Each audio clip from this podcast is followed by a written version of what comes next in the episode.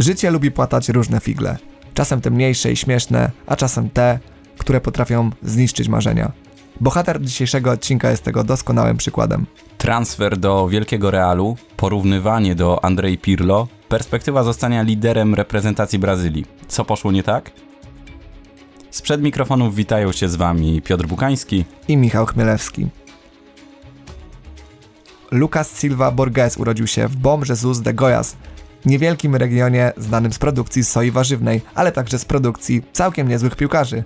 W wieku 14 lat chłopiec opuścił lokalny zespół AEOwej, z którego na szerokie wody wypłynął m.in. Lucas Moura, przechodząc do słynnego Cruzeiro Belo Horizonte. Pierwsze występy w seniorskiej drużynie Lucas zaliczył w sezonie 2012, gdy Cruzeiro odzyskało formę po wielu latach słabej gry. Pełnoprawnym członkiem pierwszego składu został jednak rok później. Nie było w tym żadnego przypadku, że zespół po wielu latach zdobył Mistrzostwo Brazylii, a Lucas Silva był najważniejszą twarzą całego projektu, występując w pierwszej jedenastce praktycznie w każdym meczu. Juninho adiantou demais a bola. Lucas Silva vai pegar de longe! Gol!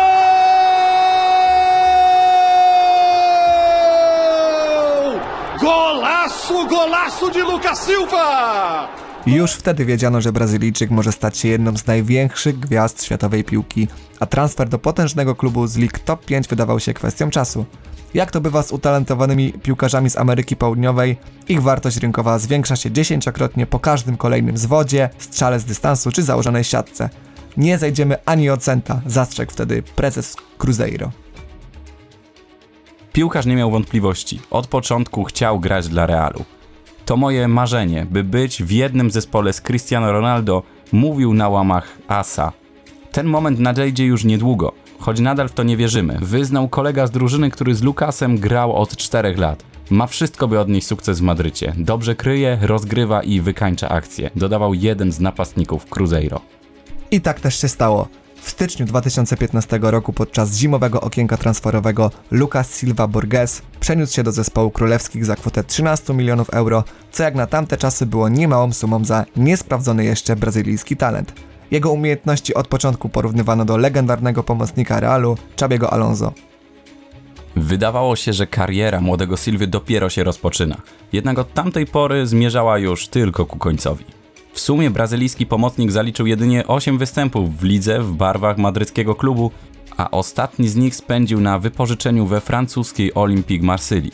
W kolejnym sezonie miał reprezentować portugalski zespół Sporting Lizbona, ale nie przeszedł testów medycznych. Testów, które okazały się być wyrokiem.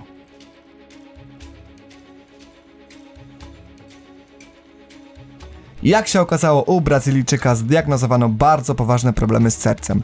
Ponoć Real wiedział o dolegliwościach piłkarza już kiedy go sprowadzał, jednak Los Blancos liczyli, że są to jedynie niegroźne przypuszczenia. Wszystko wskazywało na to, że zawodnik będzie zmuszony zakończyć karierę i poniekąd tak się stało.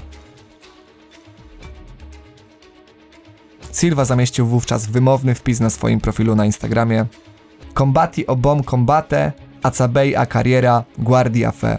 To cytat z Biblii, który w języku polskim brzmi w dobrych zawodach wystąpiłem, bieg ukończyłem, wiary ustrzegłem.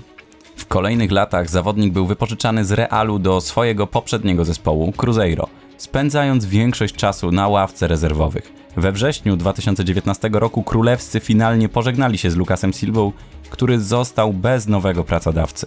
Jego wartość rynkowa spadła 15-krotnie, z 15 do miliona euro. Na początku 2020 roku po Brazylijczyka zgłosił się zespół Gremio, w którym 30-latek występuje do dziś. Lucas Silva Borges miał przed sobą cały piłkarski świat. Dotknął futbolowego nieba, przechodząc do jednego z najlepszych klubów w historii. Jednak życie postanowiło wyjąć z kieszeni czerwoną kartkę, skanzując go na poważną chorobę.